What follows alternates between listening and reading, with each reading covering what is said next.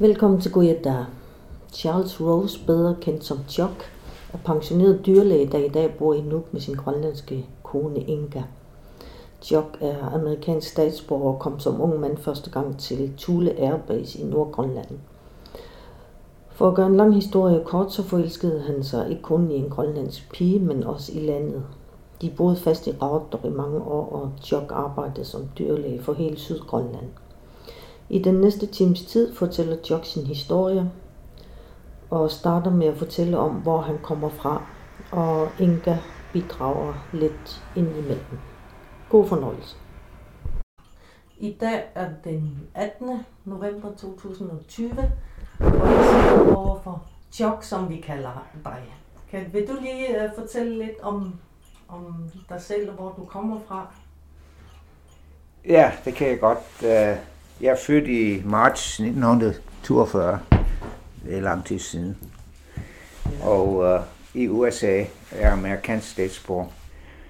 Og jeg har altid været interesseret i dyr, siden jeg var lille, og havde min første hest, da jeg var syv år. Og så gik jeg, når vi var færdige med folkeskole, eller high school, som det kaldte det derovre, øh, started på universitet, University of California, Davis. Øh, jeg ville gerne have min egen gård og, og være kvægeavler. Men øh, efter det første års tid deroppe, uh, øh, startede som 18-årig der, og efter det første års tid og sommerjob på en gård og så videre, så har jeg fundet ud af, at, at jeg kunne ikke bare starte have min egen gård, med mindre jeg var meget velhavende, eller min far var velhavende. Så ja. jeg begyndte at lede efter nogle, nogle uh, sidegren til, til det der uh, mm. landbruguddannelse. Og nogle af mine uh, klasse, eller kolleger eller venner dengang på universitet, det læste til, til dyrlæge. Mm. Uh, det var pre-veterinær først to år, og så det sidste fire år, det er dyrlægeskole. Så jeg skiftede fra øh, landbrugsuddannelse, range management, som det hedder. Det er lidt ligesom Ingrid. Ja. Øh, skiftede over til pre-dyrlæge, og så kom ind i dyrlæge og blev udlært som dyrlæge i, i uh, juni 66. Mm. Uh, efter det, lige efter uddannelse, så fik jeg et job i en uh, blandet praktisk, dyrlægepraktisk i, i Nordkalifornien i et års tid. Og det var lige midt i, uh, hvor Vietnamkrig begyndte at blomstre op. Så uh, jeg tænkte på, at jeg var ugift, og jeg ville ikke starte min egen praksis, før jeg fik min værnepligt ud. Mm. Så jeg har uh, skrevet en toårs kontrakt med US Air Force. Mm. Uh, kom ind som officer.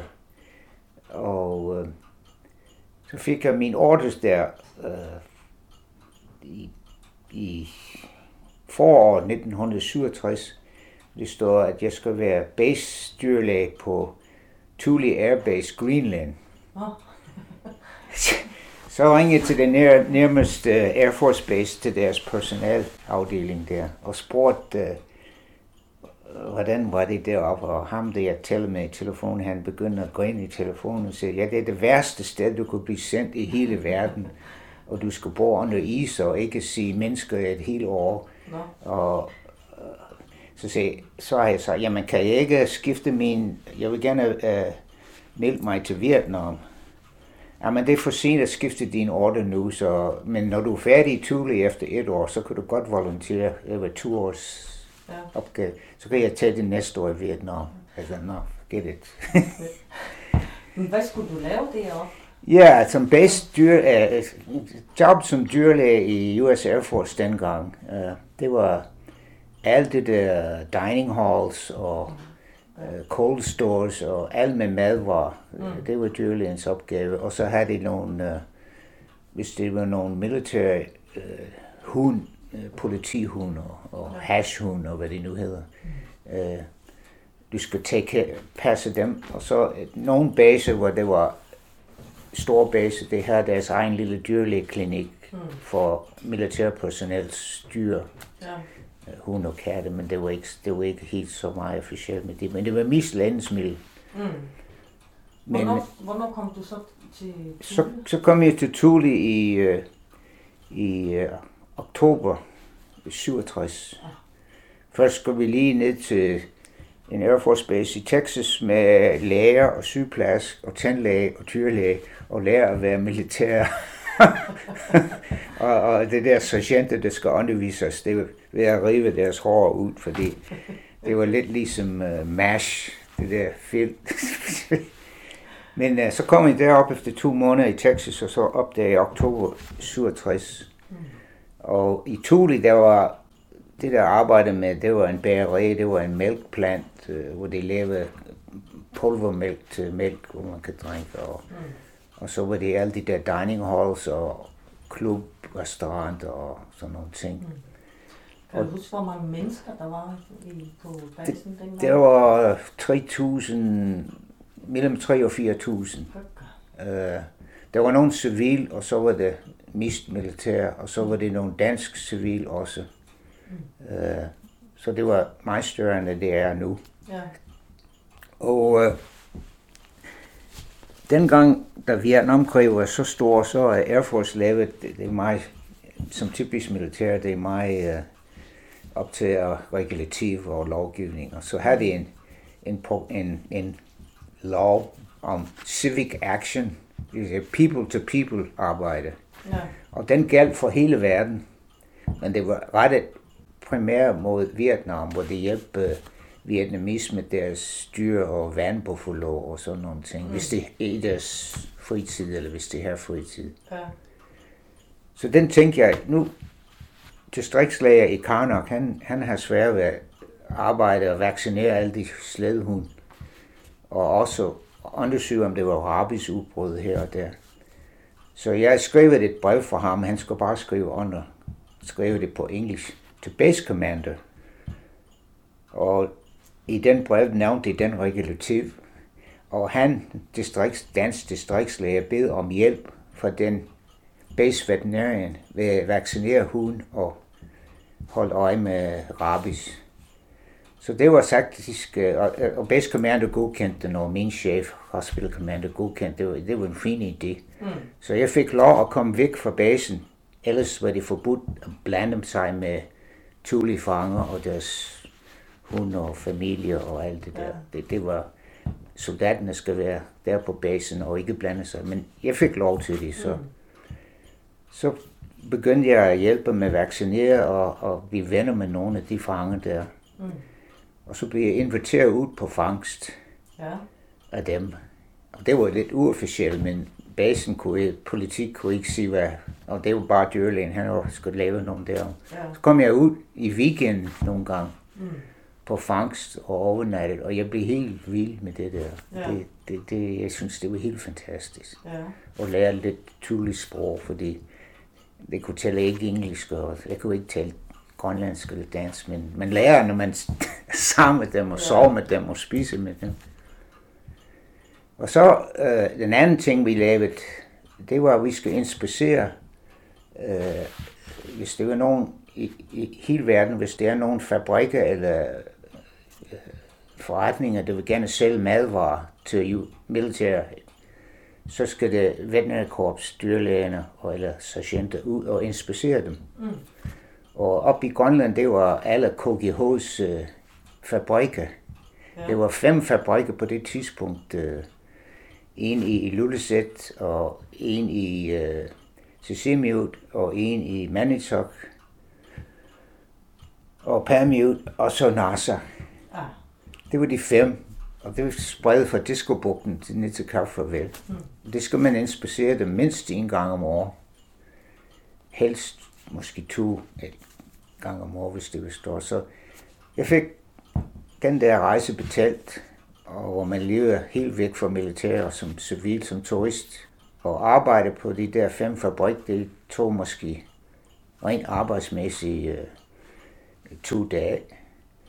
Men det strækker sig over 14 dage, 3 uger på grund af afstand, og vi sejlede med disco og gnummer, gamle passagerbåd, og lidt med helikopter også. Så vi kommer ombord i Kong Slusvok, mig og en sergeant fra Sanderstavn, jeg var her med, så jeg kan snakke med. Og, og på den der, øh, det har jeg mødt min nuværende kone.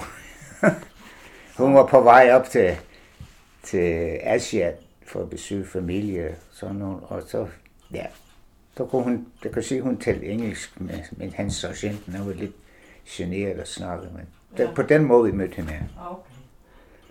Men øh, ja, det var på den måde, jeg kom til Grønland. Mm. Og så, så var en lille, jeg havde 10 måneder tilbage, når min år i Thule var forbi, så jeg var nede i South Carolina på en marine base, mm. som depot veterinær.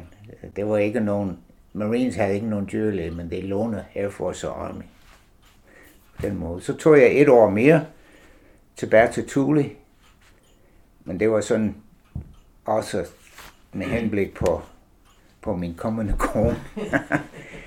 og, men, ja, ja. ja. Og øh, vi blev gift i Nuuk øh, den 11. juli 1970. Ja. Ja. Øh, og så rejste vi på vores bryllupsrejse ned til Narsak Fiskefabrik. No. så det var arbejde, et arbejdende bryllup, kan man godt sige. Og øh, både hos hendes søster, tur dem, øh, der boede dernede på det tidspunkt. Så var det færdigt med Air Force efter tre år, og vi rejste til USA, og så fik jeg et job på en hestefarm, mm. hvor det var to dyrlægestilling, og uh, omkring 1500 heste, vedløbsheste.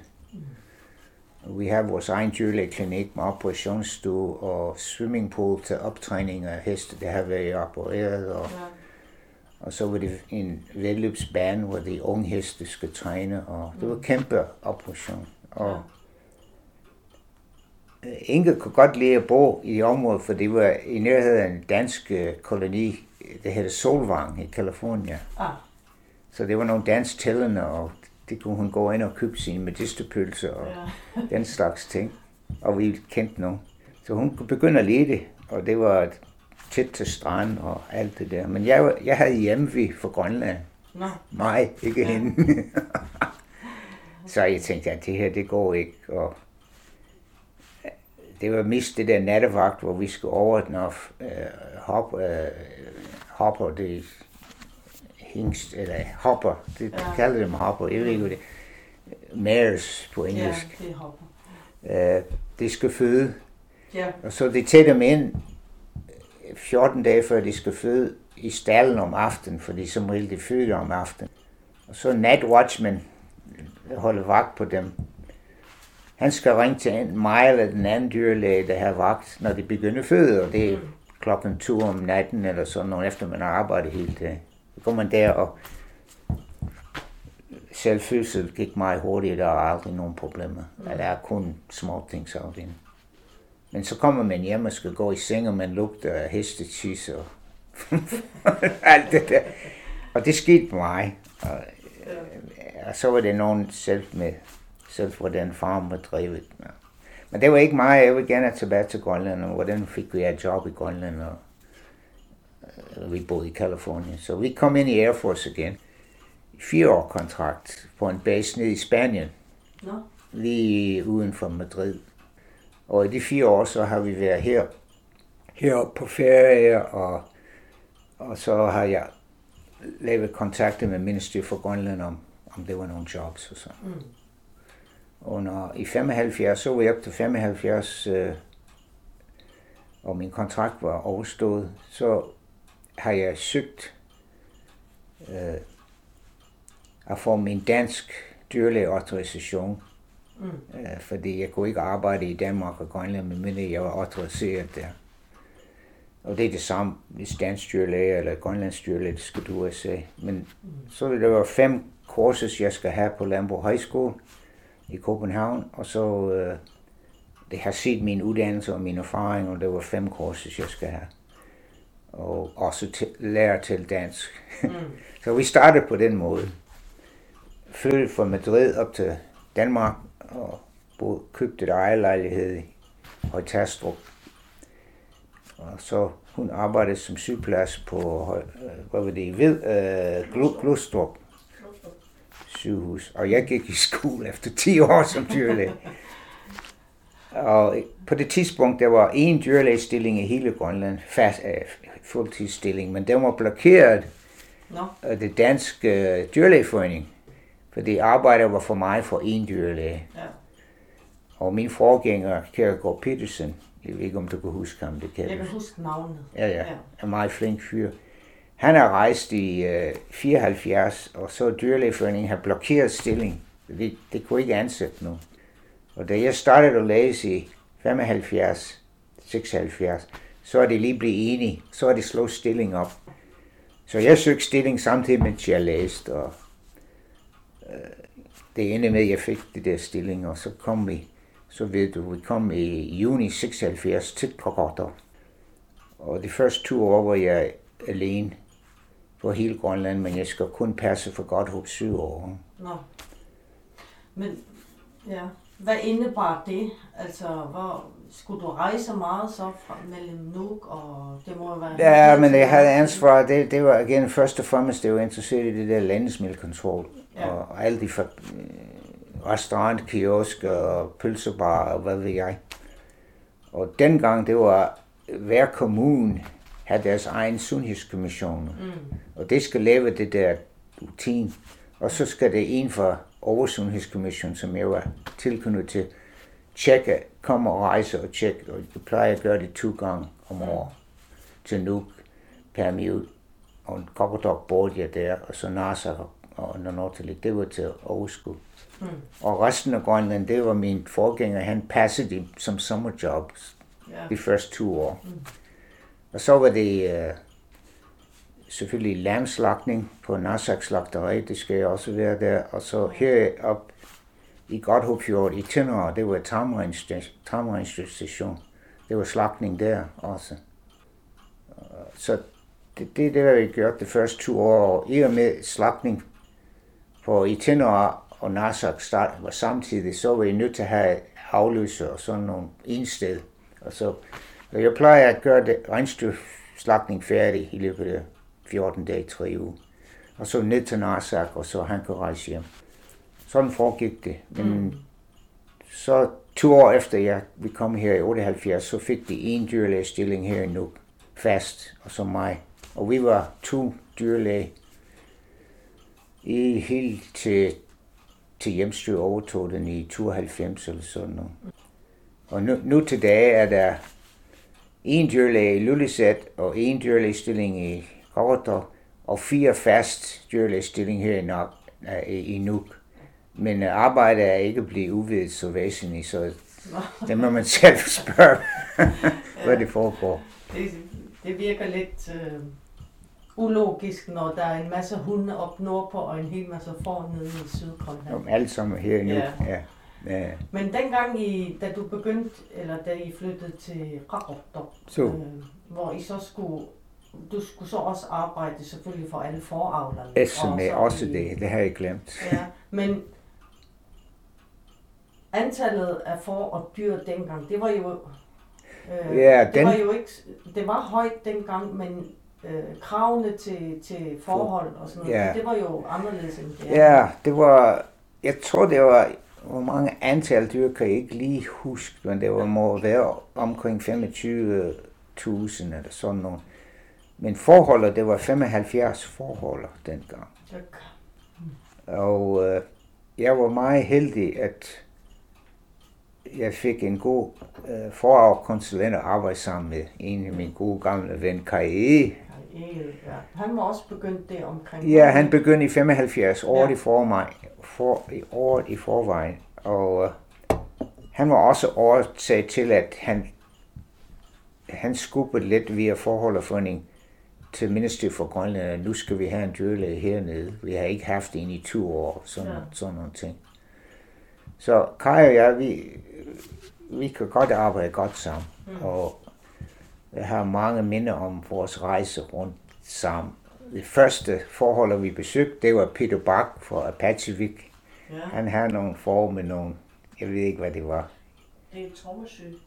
Var det Tromsø, der jo, før kom Kai sin på båd, den der, kan du huske den, hvad det den hedder? Den røde? Ja, ja. Kora. går over. Ja. det tog en time eller mere at komme ud til Pønneviasso. Og så kom han du, du, du for at hente os, og vi tog derud. Og så kiggede til Peter Bachs øh, høns og for og sådan nogle ja. ting. Og så tog jeg bagefter, vi tog til Pønneviasso, ikke også? Ja. Det var i 76. Ah. Og øh, spiste aftensmad eller lunch med, ja, det, det aftensmad. med Karen og Kai. Ja. Ah, ja. Jeg kogte, Karen var ude og, og rejse. Nå, hun var ude og rejse, så du lavede mad til os. Jeg lavede koptorsk.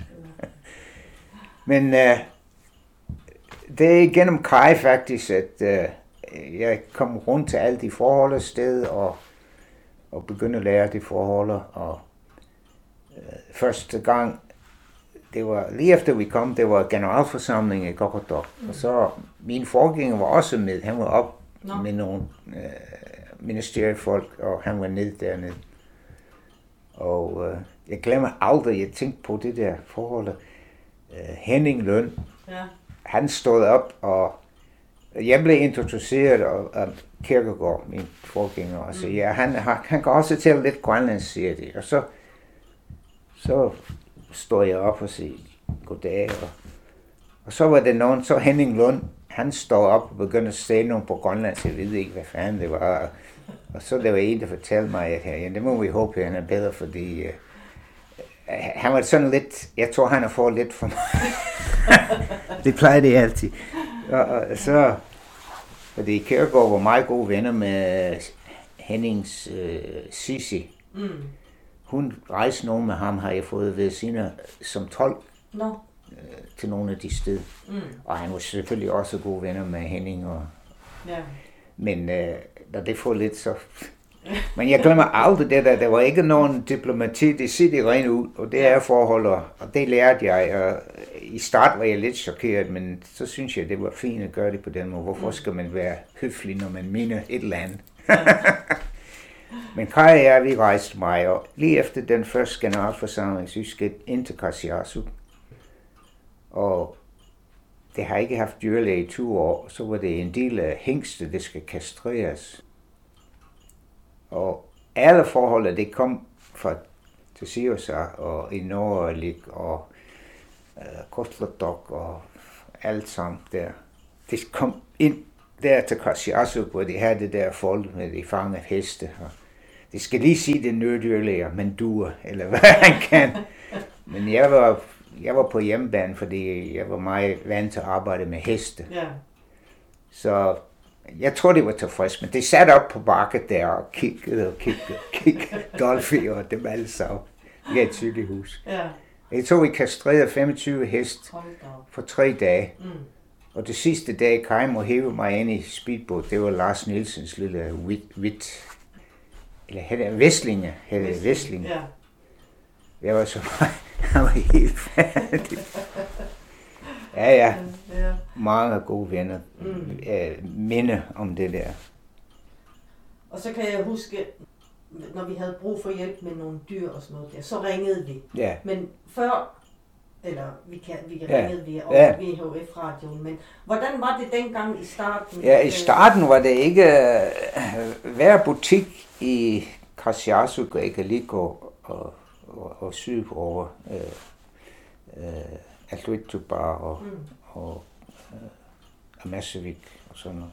Øh, det har et telefon i butik, og i starten, da jeg først kom, jeg kan huske, det var store diskussioner, fordi den telefon var bare der, og så, du, der var ikke, du kunne ikke snakke privat.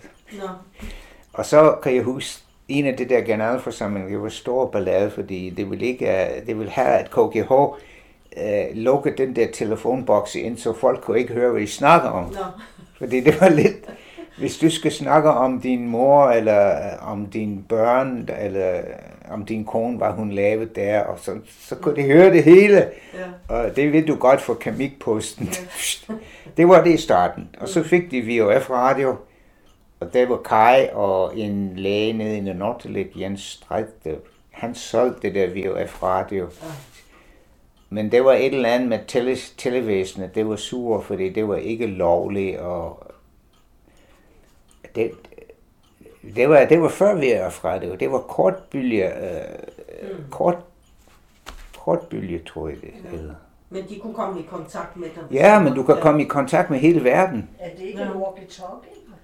Ja, det var en slags walkie-talkie, men det er en anden frekvens, radiofrekvens. Så mm. jeg kan huske, vi var engang på ferie i 80'erne. Ja, vi var på Hawaii. Vi har Hawaii, og Lars Nielsen har nogle problemer med sin for. Ja. Og så har han kontaktet en, han har en af dem der, han har en, han snakker med i, på østkysten af USA, som ringede min far op no. i California, som ringede mig op i, i Hawaii. Sådan fungerede det. Det var helt... Men efter det der walkie-talkies, så fik de stor... Det var Telly, det var sur på det der walkie-talkies. Mm. Så sagde jeg, men det generer fly, flysikkerhed og hvad ved jeg.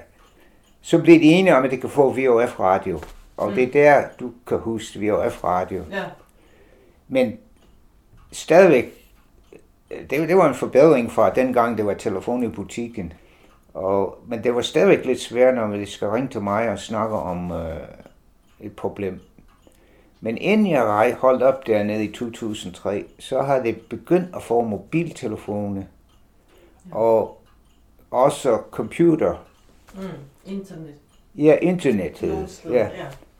Så kunne de sende en billede og det var lige, det var fantastisk kommunikation fra en butikstelefon. Ja. Og Kierkegaard, min forgænger, har fortalt mig nogle gange, så skal de sætte ned og skrive et brev. Ja. Og, ind, og så du fik brev en måned efter, og foran var død eller et eller andet. Ikke? Det, ja. det, det var helt utroligt. Mm. Så det tekniske udvikling, det har betydet utrolig meget. Ja. Det, øh... Jeg kan så også huske, øh, at der er blevet lavet nogle forsøg i Upaneviasuk med for en, en, nogle forskellige forsøg, hvor der kom en hel masse lam. Ja, og, det, og, det har vi også snakket om. Du undersøgte, hvad det var, de spiste. Og det var også det der. Ja. Hvis vi tager den ene først, det var det der... Uh, du skal ikke sige noget om det der med telefonsamling. Nej, nej, nej, nej. uh, den der med, hvor uh, forerne fik mange unge det var noget, man, man for, øh, forne og alle dyr for den sags skyld, det her det cyklus, hvor det kom i løbetid. Og så hvis det bliver bedækket, så bliver de gravid selvfølgelig, og alt det der. Og forerne, det plejer som regel komme i løbetid der om, om vinter, til i vinter. Det er noget med lysforhold og stimulation af en del af hjernen, som producerer de der hormoner. Øh, så det starter at komme i løbetid allerede måske i oktober, og så bliver de ved, og så som regel holder det op december, januar. Så det er en lang periode, kan man sige. Og vi har, jeg har læst, og vi har diskuteret, og Kaj og jeg har snakket om det. Der er nogen, der hedder, du synkroniserer deres løbetid, brunstsynkronisering. Øh, så du, så du får dem det, det er hormoner, der bestemmer, hvornår det kommer i løbetid. Mm. Men det producerer det normalt, men hvis du kan give dem nogle kunstige hormoner, så kan du, den der hormon, der årsag til, at det kommer i løbetid, det får over, overmagt eller overvægt. Mm. Og så kommer det i løbetid. Og så kan du forkorte det der lange periode indtil en måned for eksempel. Så vi vil gennemføre den der forsøg i Ponyviasu. Og det foregår, at du sætter en lille svamp i skiden, mm. som har hormoner, som afgiver den i, i blodbane. Og så når du fjerner den der, så øh, virker den som en, hvad skal man sige, den, den, den starter det der øh, ægløsning øh, i ovarier. Og for at hjælpe det, det der ægløsning, du kan også hjælpe det med at give dem en indsprøjtning på ægløsninghormoner samtidig. Og så får du, hvad de kalder super ægløsning. Ja. Men nogen har de skrevet om, at det er nødvendigt at gøre, og nogen sagt, du kan undgå det der. Og vi vidste ikke, vi har aldrig prøvet det, så vi gjorde det begge to. Resultaten var, at for det første lamning, når de bedækket inden for en uges tid eller sådan noget, så føder det inden for en uges tid, eller 14 dages tid. Så pludselig, når det begynder at føde, så kommer det. Der kom tvillinger, men det kom også trillinger og firlinger og femlinger. og jeg kan huske øh, Christian, at, øh, at Christian Mosfeld, formand, han tænkte, og, og, så har vi lært, at vi skal ikke give den der hormonindsprøjtning, superægløsning, men bare skeden der. Mm. Og det var en forsøg, men så gør vi ikke mere med det, fordi vi synes, at forholdet var ikke parat til at have dem alle sammen født ind på de perioder. Ja. Det var den ene. Den anden, det var i forbindelse med vegetationsundersøgelser, som ja. Kai og Island Ingvi Thorstensen startede. Jeg vil gerne vide, hvilken plantarter øh, forerne foretrækker at spise. Græs og planter. Og en måde at gøre, eller den måde, det vi beslutter at bruge, det er, at hvis du kan tage et prøve for spiserør, øh, og tage det der pose, lad dem gå ud, sæt dem ud i et område, og det græsse, mm. hvad det er at spise der. Så tager du pose af for dem. I lavede simpelthen hul i spiserør? Ja, så skal man, ja, man skal operere af ja. den der sæt hul i spiserør. Mm. Jeg har aldrig prøvet før, men jeg havde nogen, jeg kunne læse mig frem, hvordan man skal gøre det. Så vi gjorde det på Neviasuk. Øh, jeg tog vi opererede fem stykker. Og så er det en slags uh, prop, man putter derinde i spiserør. Og så når du skal bruge de for ud, så tager du proppen ud og sætter pose på. Mm. Så i stedet for at gå ned i, i, i formaf, så går de ned i den pose.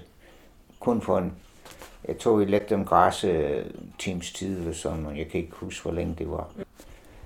Så analyserer det det der plante, når det spiser det, og så det og det og det. Mm. Og det var en, i forbindelse med Ingvi og Kajs uh, undersøgelse. Uh, det eneste problem var, at, at uh, det der får, det er en slags invalid, så man skal holde øje med den der prop, at den ikke løber ud i stallen, og, ja. og man skal give dem lidt uh, minerale indgang imellem, for de mister lidt, og så videre, og så videre. Men vi havde en, der levede over et år, og de andre levede, jeg ved kan huske, vi var lidt, lidt sure på Atja og, og, og forhold i livet. Det ikke holde øje med det, rive det ud i stallen og sådan ja. Men uh, det brugte dem til det der. Det var, det var to forsøg, og så, så havde det det store forsøg med, jeg var interesseret i, om orm, uh, indvoldsorm i for ja. og lam om øh, det betyder nogen for dem, eller var de bare så minimalt, at, at det har ikke nogen betydning, fordi da jeg kom derop, det gav ormkur til alle forår, og så gav det alle lam ormkur, og så nogle, nogle af dem samlede dem om sommeren og gav dem og det var sådan en masse arbejde, og hvis det var ikke nødvendigt, så kan vi droppe det. Mm. Så begyndte jeg at undersøge det der med orme, og vi har fundet frem til, at uh, at det der, at lammerne får, det er sådan subklinisk, det ligger lige på kanten. Øh, det der larm om efterår, så får de lidt tyndskid, det er jo er det på grund af ormbord. Men så får deres naturlige immunitet effekt, så falder det der tæt. Og forerne, det, det har faktisk ikke noget, men det smitter mange æg lige op til drægtighed, når deres immunitet er lidt svækket så smitter de meget af området igen. Men det korte og lange ud af al den behandling var, at det kunne ikke betale sig at behandle lam, men bare vi behandler moderfor, kan vi holde på øh, græssmitte med det der orm ned. Ja. Men måske tiden er andre nu, og det bliver varmere, og måske er der nu ormtype, der er ja. mere... Øh... Mm. Ja, jeg ved det ikke, men øh, jeg ved bare, at de giver dem indsprøjtninger nu, i stedet for de ja, der ja, ja. Øh, jo. orale ormkur. Ja, ja. ja. Men øhm, nu når vi er ved de her øh, forsygdomme og sådan lidt forskellige, øh, når du var ude på, øh, hvad hedder det, slagterierne, ja. ude på slagteriet, ja. så ved jeg, at du undersøgte i hvert fald kroppen, så, som og så skar du også lidt i lever og øh, i sådan lidt. Hvad, hvad kiggede du efter med de her Ja, det må jeg... Du har, jo, du har jo kigget på hver en enkelt, ja, ja. alle nemlig. Øh, får der... Nå, jeg har en lille historie om dig. ja. uh, du var i, jeg ved ikke hvilken år det er i folkeskole, hvor du, man går i praktik. De ja. sidste år. Ja, de plejer at være sidste år i folkeskole, dengang. Ja, jeg tror det var i 83 eller Ja, ja, men det er den sidste år i ja. folkeskole. Og jeg har haft mange gange henvendelse for skolen, om jeg kan bruge en praktikant. Mm. Og jeg har altid sagt, altid sagt nej, jeg, jeg, jeg har ikke tid til det der i Narsak, og hvor skal de bo og sådan noget. Mm. Men så pludselig søgte du. Ja. Og så siger jeg, ja, men det er godt, fordi du, du har hjælpet der med græsning, og du er landbrug og så videre. Mange af dem er bare nogen, der er interesseret i hund og katte, så vil det være i praktik. De tror, mm. det mm. der dyrlægen gør mist. Ja. Så du kom til NASA, mm. og det var en af de første år, jeg har en medhjælper hele tiden. Jeg har været alene i et par år, men så kommer flere og flere lærme og kan ikke følge med. Mm. Og min medhjælper fra Danmark er, han, du kom ind som praktik, og du var dernede på slagtebånd med ham. Ja. Og så siger han, hende der, hun er meget skarp, hun er meget dygtig. Du skal lige læse hendes notitsbog. Du har en lille notisblok. Mm. Og så er jeg begyndt at læse det. Så skriver du, hjerte har fire kammer. Den ene kammer pumper blod der, og den anden kammer bomber der. Jeg siger. Og det var bare, hvad du har lært, når han forklarede dig på slagtebånd. Ja. Men uh, hvad vi undersøgt på, det, det her er en procedure, hvor du skal kigge på Ja, du skal kigge på hele kroppen, og hvis det er nogle havet led og så videre, det kan være tegn på en infektion, og, mm. og afhængig om det er gammel, kronisk eller akut, og, og så kunne du have laboratorieundersøgelse. Men det er så få ting, at man havde i for, Grønlands Lærm heroppe, det er meget få kassationer. Mm. Uh, og så kigger du på, ja, lever, hvis det skal bruges til menneskefoder, så er det nogle bændelormlarver, det kan være i lever og, og teori, teoretisk kan de smitte til mennesker, hvis det ikke er. Men det er sygdomsmæssigt det er ikke ret meget. Det, det mest vi har gjort, det var rette slagtefejl. No. ikke sygdom, fordi hvis der er en, der tager maven ud, og den gik i stykker og sprøjte over hele kroppen der, yeah. så skal vi rense den ud, mm. så godt vi kun. Vi kan ikke sælge lamkød med forlort på. Så. og det var det der. Og yeah. senere hen, Dengang i starten, der var kun en dyrlæge, der må lave det. Senere hen lavede de tilsynsteknikere, som var mm. ulært på slagteriskole i Danmark. Mm. Og jeg har altid været tilhænger af dem. Øh, for det første, det skal helst være en grønlander, mm. fordi så kan de sprog. Hvis vi skal ind til der, hvor de øh, aflever dyr og tage pelsen af og alt det der, og skælde dem ud, fordi det er svine med deres hænder og så videre. Det er meget bedre, at det er en grønlander, der går ind og råbte dem, ja. fordi vi kan ikke. Så jeg har altid været tilhænger af det, og jeg havde, i starten var det tekniker, eller assistent, jeg kan ikke huske, hvad det hedder, men det må ikke lave decideret det der køkkentor, men det må rense ud og så videre. Mm.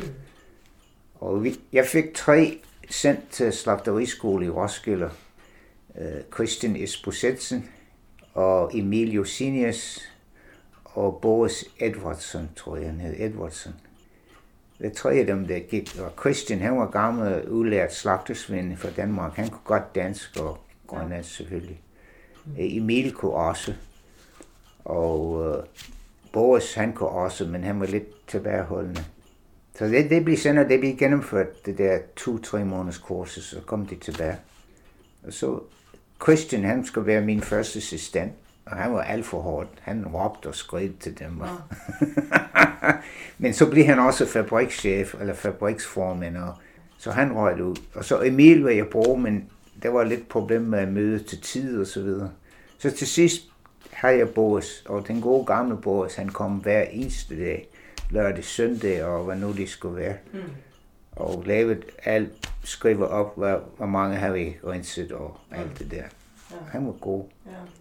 Og så bliver det mulighed for at uddanne en rigtig tekniker, der kan også lave det der, som dyrlæge har gjort hele tiden, ja. for det var ikke så meget sygdom. Så fik vi en af uddannet, øh, Crispina, tror jeg hun hedder, Nielsen. Hun ja. hedder Jens, hun kommer fra Kokotor. Ja. Den der Jensen. Mm. Hvad hedder han det fornavn? Hvem? Enoch Jensen. Enoch Jensens. Ja. Mm. Hun blev gennemført det der uddannelse, og så kom hun ned på slagteri og arbejde. Så, så i stedet for at have en ekstra dyrlæge, så vil have vi hende og mig, der kan køre det der. Og det var pointen i det, og jeg har håbet på, at det kunne udvikle det der system med tilsynsteknikere til lændesmiddelkontrol og, og vaccination af hunden, og, mm. men desværre er det ikke lige til nogen endnu. Udover de der arbejde i slagteriet, hvad var så de almindeligste problemer ude på gårdene? Ja, det, var, var der nogle sygdomme, ja. som, som, som... Ikke så meget sygdom, det var... Der var lidt sygdom, men det var... Øh,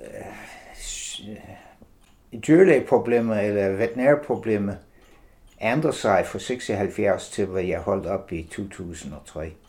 I starten var det øh, øh, for lidt fodring, problemer, hvor det ikke foder for nok. Ja. Og, og så fik de øh, ja, stofskiftproblemer. Mm. Ketosis hedder det, og, og så var det masser af mælkefiber også op mod lamning. Og, og så gik det fra den der efter flere år, når Kai kom ind i billedet og begyndte at få forhold til foder med kraftfoder, hvor det ikke bare var afhængigt af at gå ud og få lidt at spise om vinteren, hvor der er ikke nogen at spise. Øh, og spise tang ned på stranden, fordi det kunne ikke have nogen sliksti. Men så gik det fra det problem til overfodring. Så var det pludselig masse med tromsyge og, og, og det der. Og, ja. Der er nogen, der brød ind i stallen. Ja, ja, og så når, var det her der kraftfoder, og så, så brød jeg ind i, i foderlager. Jeg kan huske en, en fra Karsiasuk-området. Den er, den er brudt ind uh, tre-fire gange i løbet af en uge. og, og vedkommende, han, uh, han ringer, og, og, og Inge har været lidt hård med ham og sagde, jamen kan du ikke gøre noget men det der? Nu er det fire gange for en uges tid, at nu er vi næsten udgået for det medicin, du bruger til. Jamen, jeg har sømmet den fast nu. jeg vil overhovedet ikke sige, hvem det var, men det var i Nunatok. Okay. så, men at, det var det problem. Og så, efter de to ting var overstået, det sidste, da jeg var der, det var mest med lammene, uh, lamningsproblemer. Ja. Uh, ikke så meget med måder for at fødsle, og lige efter, det blev det det mest problemer med vanskelig fødsel og ja og ikke så meget mere med mælkefiber, for hvis det fodrede ordentligt og vandede dem ordentligt, så var det ikke så meget med mælkefiber. Ørebetændelse og sådan. Ja, ørebetændelse, mm. og, og så, så fik vi den der, som du har selv været inde på, men den der øh, lam med, øh, hvor de sprøjter vand ud af mund. Det, det hedder water, watery mouth. Jeg ved ikke, hvad de kalder på dansk, men øh, mm. det er en bakterieinfektion, og, og hvis det især dem, der ikke får nok, øh, hvad vi kalder første mælk, den som er meget rige i antistoffer ja. og, og kolostrum, mm. det tykke.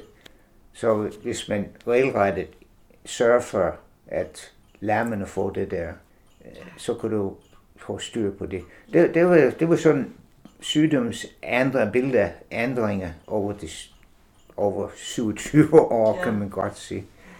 Og så har vi også haft nogen, hvor lammene er død øh, ud, ud, på, ud på græsningsområdet lige i de første måneder, to efter, øh, seks uger efter fødsel. Øh, og den opdagede vi meget tilfældigt, fordi det var en gammel forholder, Sim Knudsens far, Jørgen. Ja. Han gik altid ud om dagen øh, om, og, efter han har spist sin morgenmad og drikket sin morgenkaffe, gik ud og se til lammene. Så, mm. så siger han en, og så gik han længere op og kom tilbage. Og så den lam, han har lige set for en halv time før, den lå der død. Det forstår han ikke. Så kom der flere. Så tog han en lam og puttede dem i fryseren til dyrlæge kom. Det var genialt. Mm. Hele kroppen nede i fryseren. Og så har vi fundet ud af, for, for, for der vi tog nogle øh, prøver fra tarm, viste sig at være overspisningsproblemer problemer. Hvis de fik for meget mælk ned i maven, så er det nogle, nogle bakterier, som er normalt derinde, kan gå i gang og voldsomt vokse og producere en giftstof, inotoxin. Og jeg tror også, Siko har også taget mistænkt på det. Men lige der med Sim Knudsens besætning, det var det første sted, vi opdagede Så vi begynder, vi kan beskytte med det ved at vaccinere forerne. Så giver de antistof, så får de ikke det der. Mm. Og vi fik fantastisk resultater. Han, første år, han, uh, han havde det problem, hvor vi ikke vaccinerede. Han mistede måske 40 lam eller sådan noget. Den næste år, to, tre, og så ved du, kan ikke poste det rygtes. Så pludselig alle forhold vil have det der det kaldte de på grønlandsk for dem, der redder larm. Nå. Hvordan du vil se det på grønlandsk. Det var her det der indsprøjtning, der redder larm. Vaccinationer. Ja. Så, så siger jeg, øh, hvorfor det? Har du, har du mistet nogle mangler? Nej. Hvorfor skal du vaccinere? Det koster det. Jamen, jeg vil gerne vaccinere. Jeg siger, men hvis du ikke har det problem, det skal du ikke vaccinere. Nej. men det var altid den kamp. Jeg mm. tror til sidst, jeg havde syv, otte besætninger, der, der havde de problemer, ja. så når de vaccinerede. Så. så det har udviklet sig i den gode retning med, med ja, forpasning og ja, alt det der, men ja. det har så medført, at der, der er kommet dukket nogle nye problemer op. Ja, ja. Det var jo. Men det er altid lidt nyt, nyt vi har haft også, efter jeg har holdt op, vi har Laura op på besøg Inga og Laura god veninde. Ja. Og så spørger jeg altid, hvordan går det med lamning? Ja, men det, det har nogle mærkelige, mange svage født lam med ingen ul. Og ingen hvad? Ingen ul. No. Miste ul, og det var svage. Og så snakker jeg med Otdrog, så sender han nogle billeder op. Det var i, mm. efter vi er pensioneret her. Ja. Og jeg havde det der billede, det var fuldstændig i den bog der, du. Det var jodmangel. Nå. Det er svage larm, det er nyfødt, øh, født uden ul. Øh, det ser det meste ul, men det er født uden ul. Mm. Det er sådan helt skal. Og så jeg sagde, kan du, har du, øh, jeg tror jeg bedt ham om at obducere en af dem. Eller han har gjort det. Og så, har han, han siger, og så er det hævet i halsen, siger han. Ja, kirtlerne. Ja. ja. Jeg siger, halsen. Nå, Nå ja, ja, dem der, der er nogle kilder her, der er meget store, siger han. Og så, at det var perfekt symptomer for det der jodmangel. Ja. Og så siger hvad har, har du givet sliksten? Nej, det var alt for dyrt, vi har bare brugt almindelig salt. Og det var ikke kun en af dem, det, du ved godt, det skal spare penge, så, så køber de salt. Ja. Det var det. Så det er altid noget nyt, men det er ikke så hvad skal man sige, omfattende. Det er mere enkeltvist, det, mm. det der. Ja, dem, dem har jeg nemlig set, og det kunne jeg også læse mig frem til, at det var jodmangel. Har du set nogen inde hos i, i Timothy? Ja, det var det. Jeg så dem på et tidspunkt. Ja, ja. Men har I sliksten, eller brugte de ikke sliksten? det var lige den periode, hvor, der, hvor, hvor jeg Hvad? tror, der var flere, der prøvede med at bare give dem salt. Ja, ja. ja. Fordi vi var ned til, øh, jeg tror det var hvor var vi ned? Var det til Kajs bryllup dengang? Nummer tre. Augusta. Vi var ned til hans bryllup, og så kom jeg til at snakke med nogle af dem, min, øh, og Kalover også, og ja. ja, det har vi også haft. Jeg siger, vi fanden, vi skal bruge det der sliksten til. Mm. De 10 kroner, du sparer, du mister 300 kroner for alt de får, eller lam. Men det billede, det var lige præcis det samme billede fra det der bog. Ja, det var det. Stor, og du skærer ind, og så er det øh, ligesom luftlommer mm. i det der kitler. Jordmangel. Ja, det var meget tydeligt. Ja.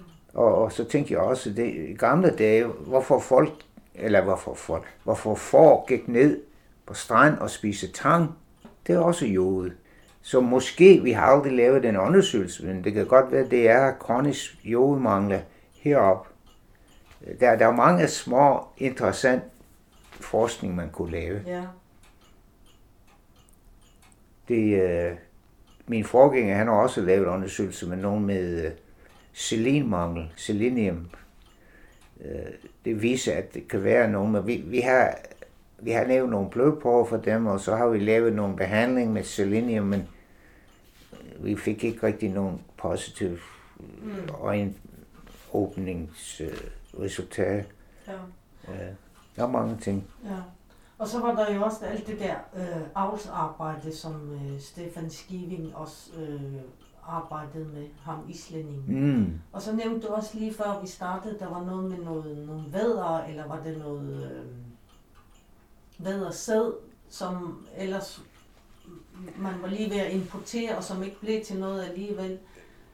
Ja, det var, ja, det var ikke så meget, men det var først Steffen Kai, Kai han ville gerne før. indføre nogle vædder, fordi 25.000 får der ikke været nogen nu tilførsel i mange år. Det er ja. måske lidt indavlet så videre. Mm. Øh, så jeg var over i Island det første gang og snakkede med veterinærdirektør derovre. Han, er, han farvede, at vi gør det der, fordi han siger, du,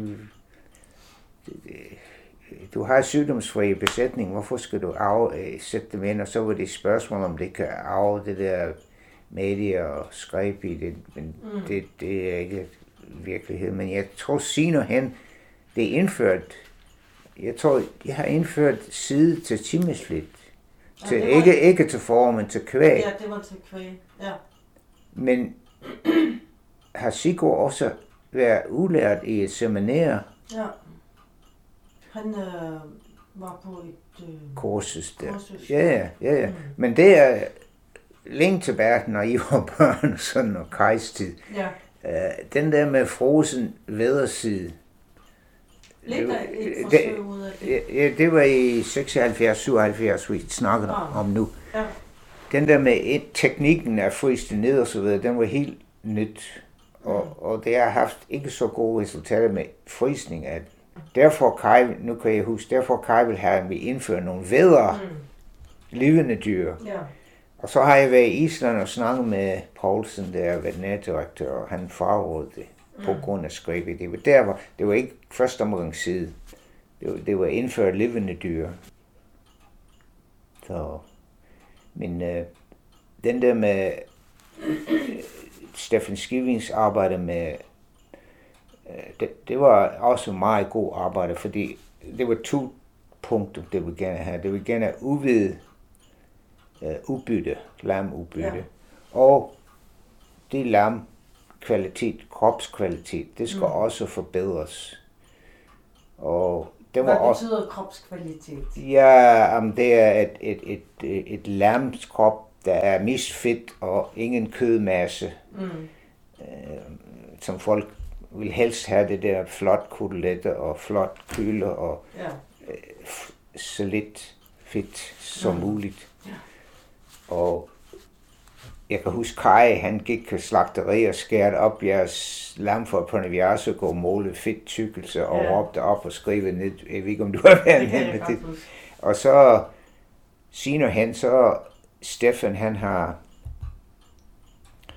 han er dissekeret, han har taget vi, vi skærer hver muskelgruppe og vejet fedt for sig, ja. og sinu for sig, og kød for sig, og se hvor meget procent det var hver eneste muskler, som har betydning. Mm. Øh, rygmuskler og borg og så videre.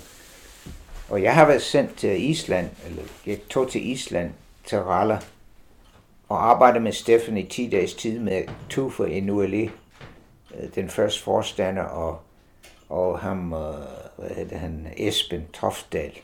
Og vi var der 10 dage og dissekerede. Så kom vi tilbage og dissekerede lamkropper fra slagtning. Jeg, jeg, jeg og tre eller fire slagterimedarbejdere, så skal vi skære og måle op og sende alle de oplysninger til Steffen. Men ud fra det der, så har det lavet den der klassificeringssystem, og så stod det ind på slagterlinjen og klassificere. Meningen var, at det ville give øh, gevinst til det forhold, at det gjorde nogle avlsarbejde på at avle nogle flot lam. Og så er det klasse A og B og C og så videre, ikke også? Mm. Og så meningen var, at de skulle få mere penge. Det er det, ja. det drejer sig om. Mm. For A-klasse end D-klasse. Men den der aldrig blev til nogen selvom det stadigvæk klassificeret i dag, tror jeg, det står mm. der, men hvad det bruger det til, det tror jeg ikke, det bruger det til nogen. Det bliver bare blandet sammen, så solgt. Men de har jo det der øh, fjervis øh, avlsprogram. Ja, og den er udviklet i Island, er det ja, ikke? Jo, det er, ja. det er Islands program.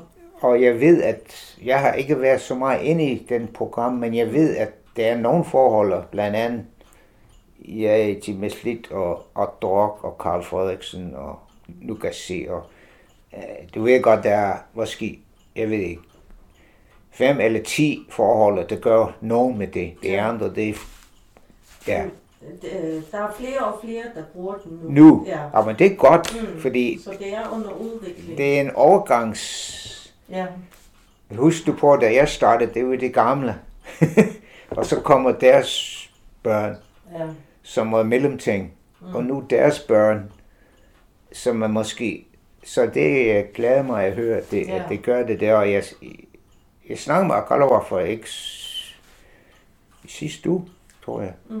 Og han fortalte mig, at de stør, det, det der synlighedsskema, det er også en del af det. Mm.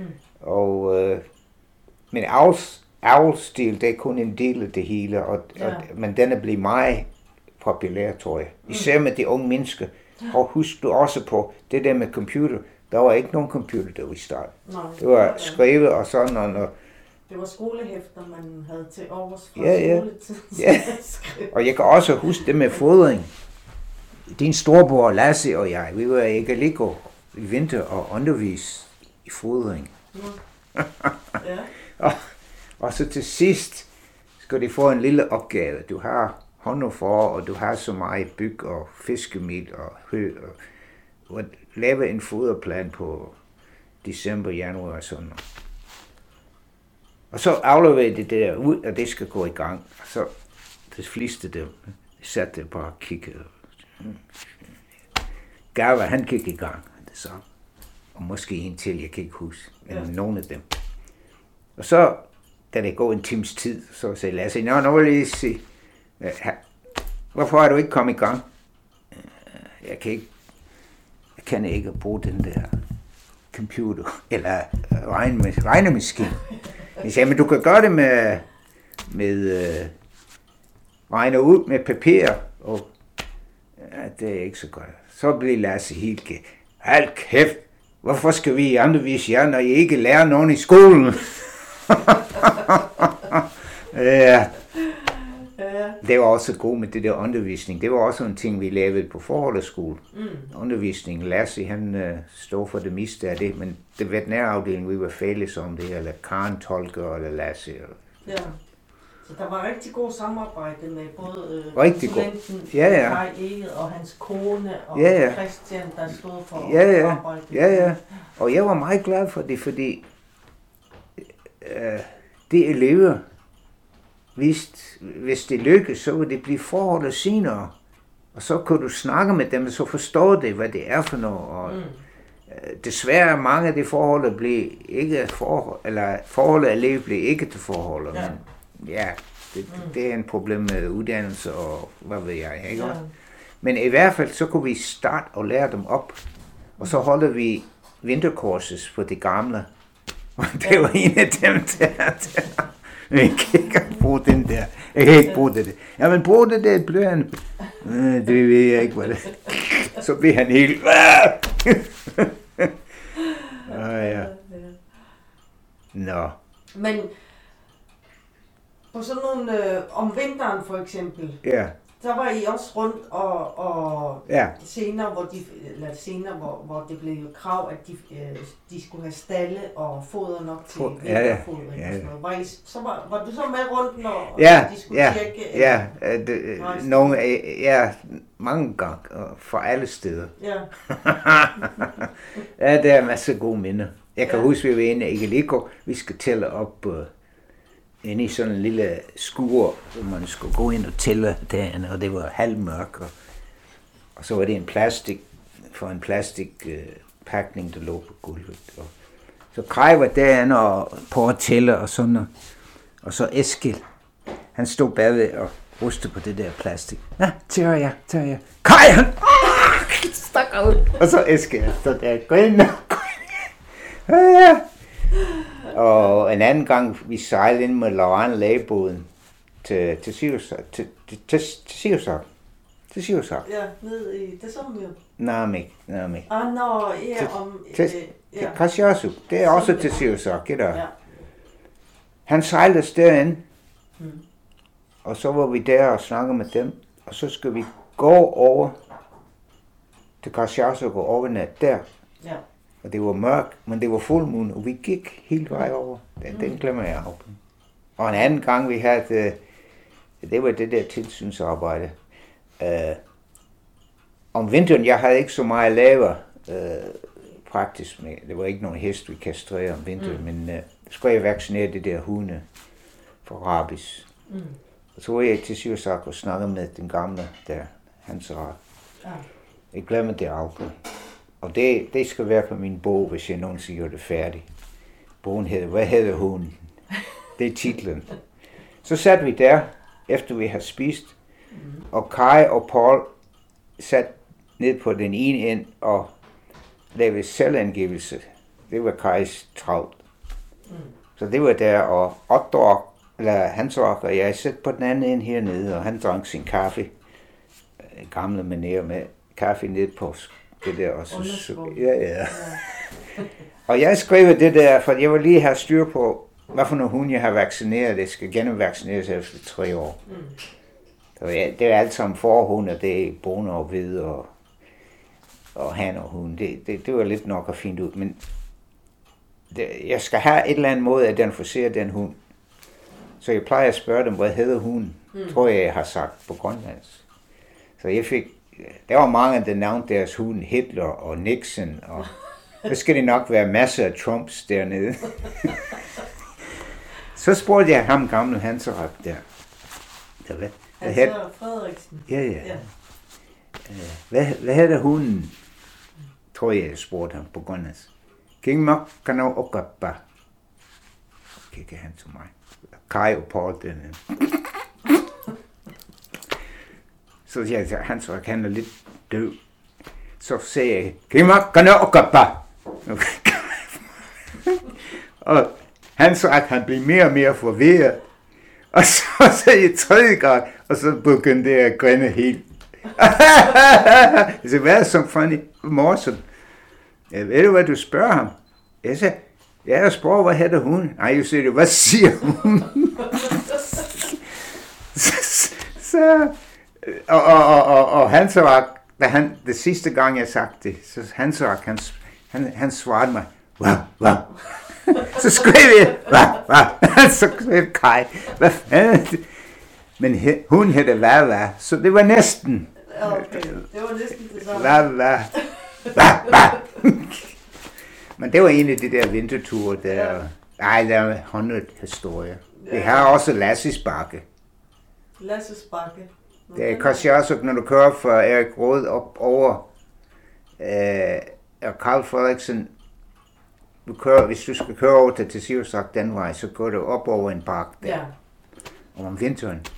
Og Lasse har lånt en, øh, en sneskutter for Sim Knudsen, der var af to tandrør eller et eller andet, det kørte ikke, for den skal køre altid fuld fart, ellers ja. det gik den i stå. Og jeg kørte ved Kai med Åkenbo og slæde bagved, og jeg satte på slæde, der bagved Kai kørte Åkenbo. Mm. Vi kom over den park først og ned, og så Lasse, han følger efter os på så gør han, og den var ved at gå i stå, da han kom op, så gav han det fuld gas, så gør han der, og jeg kan se det stadigvæk i dag, Lasse. Han, Han trykkede rundt. ja. Mange, mange historier. Ja. Også Michael Hansen, da han døde der. Mm. Det var en vinter, og Kai og jeg, vi kom til Kasjasu, og så blæste det såst. Og såst. Og den første dag, vi kunne ikke komme derover på isen, det var for farligt. Så vi gik til Kirtut. Er det det Kirtut? Jetto. Vi kan gå over elven og snakke med dem. Kom tilbage til hotel. Næste dag. Så er isen blæst væk, Nå, og så har Kai fundet ud af, at vi kan lege helikopter, og vi betaler kun for flyvning. Det var 15 minutter eller sådan noget. Mm. Så fløj vi til Tessiusa. Og så starter vi der. Mm. Men i den storm der, det var den det var den storm, hvor Michael, han kørte på trehjul og trillede ned og, og døde. Ja. Og det skal være begravelse der. Mm. Og vi var til sidst sagt færdige. Alle forhold har gået over til begravelse. Mm. Og Kaja er vi redde på heste, for til ah. sagt, derovre med vores rygsæk. Oi. Med sjovest, sådan, så vi skal redde på den måde. altså, så, så, og så kom vi til kirken, alle var gået ind i kirken. Mm. Så kom vi derned og binde heste der foran kirken, og gik der med vores kælddragt og stank af hest, og så sat i bag, på bagerste side der. Ja. Ja, ja jeg, jeg kan blive ved, men det, ja, ja. det er nok. Vil du snakke med Inga? jo det. Ja? Nu skal jeg holde min kæft. Hvorfor? For det er din tur. Nej. Jo. Jeg har ikke så meget. Nå, det ved jeg ikke, men du, du går godt. Jeg, jeg skal lige... Jeg kan godt skære det der. Jeg skal nok holde øje med den. Men okay. hvornår var det, I, I, du holdt op? I 2003. I 2003. Eller 4, ja, forår, ja. Ja, ja. og 4, ja. Ja, ja. Vi flyttede her til i 2000, september 2003, mm. og jeg sluttede med slagning dernede, så flyttede jeg her. Ja, og jeg har boet her i Nuuk siden. Siden, ja. ja. ja. Og det er Inkas barndomshjem, mm. I har Jeg har lige øh, et, et sidste, næst sidste spørgsmål, inden vi slutter, skal til at slutte af. Hvad synes du har været det mest spændende med arbejdet inden for forarven og det arbejde, du har haft? Inden på forarv? Jeg synes, det mest spændende er, at man skulle man skal rigtig bruge din erfaring eller uddannelse til at tænke på uden, lidt uden for boksen. Ja. Øh, fordi det er mange gange, man møder nogle ting, som man ikke rigtig forstår. Og så skal man tænke lidt, og, og man kan ikke bare sammenligne det med, hvad det er skrevet, eller hvad det foregår andre steder i verden. Ja. Øh, fordi der er nogle specielle ting heroppe. Og den kunne jeg lide, den der udfordring. Nogle gange finder man ikke svar, men nogle gange finder man svar, så bliver man glad for, at man har fundet ud af det. Men uh, den, hele den proces, jeg er glad for at uh, komme i gang med det. Jeg, ja. jeg, jeg synes, det, der er ikke nogen rutine. Det, ja, der er nogen rutiner på slagteribånd eller et eller andet, men uh, det der uf, uventede problemer, og om vi skal være ved til uh, løse ja. det, så, så er man glad. Det, mm. Jeg tænker også på for eksempel transport af levende dyr i pram til slagteri, regnstyr og og for, og hvordan vi løser det der problem, og, og hvordan kan man bruge en landgangsfartøj, det her siderne der er og så skal man lave nogle, så det er vandret og lovret, så forne ikke bliver mast og falde ned og alt det der. Det, det er altid sådan lidt spændende. Man skal, mm. man skal bruge lidt din fantasi også. Hvad, hvad har man til rådighed? Hvad kan man bruge til den problem der? Det, ja. det, det, det kunne jeg lide. Jeg ved også godt, vi var rigtig mange, der savnede dig, da du holdt op med at arbejde som øh, dyrlæge, fordi du kendte alt og alle. Mm. Og vi behøvede ikke at fortælle en hel masse og forklare en hel masse, mm, fordi du kendte os alle sammen. Ja.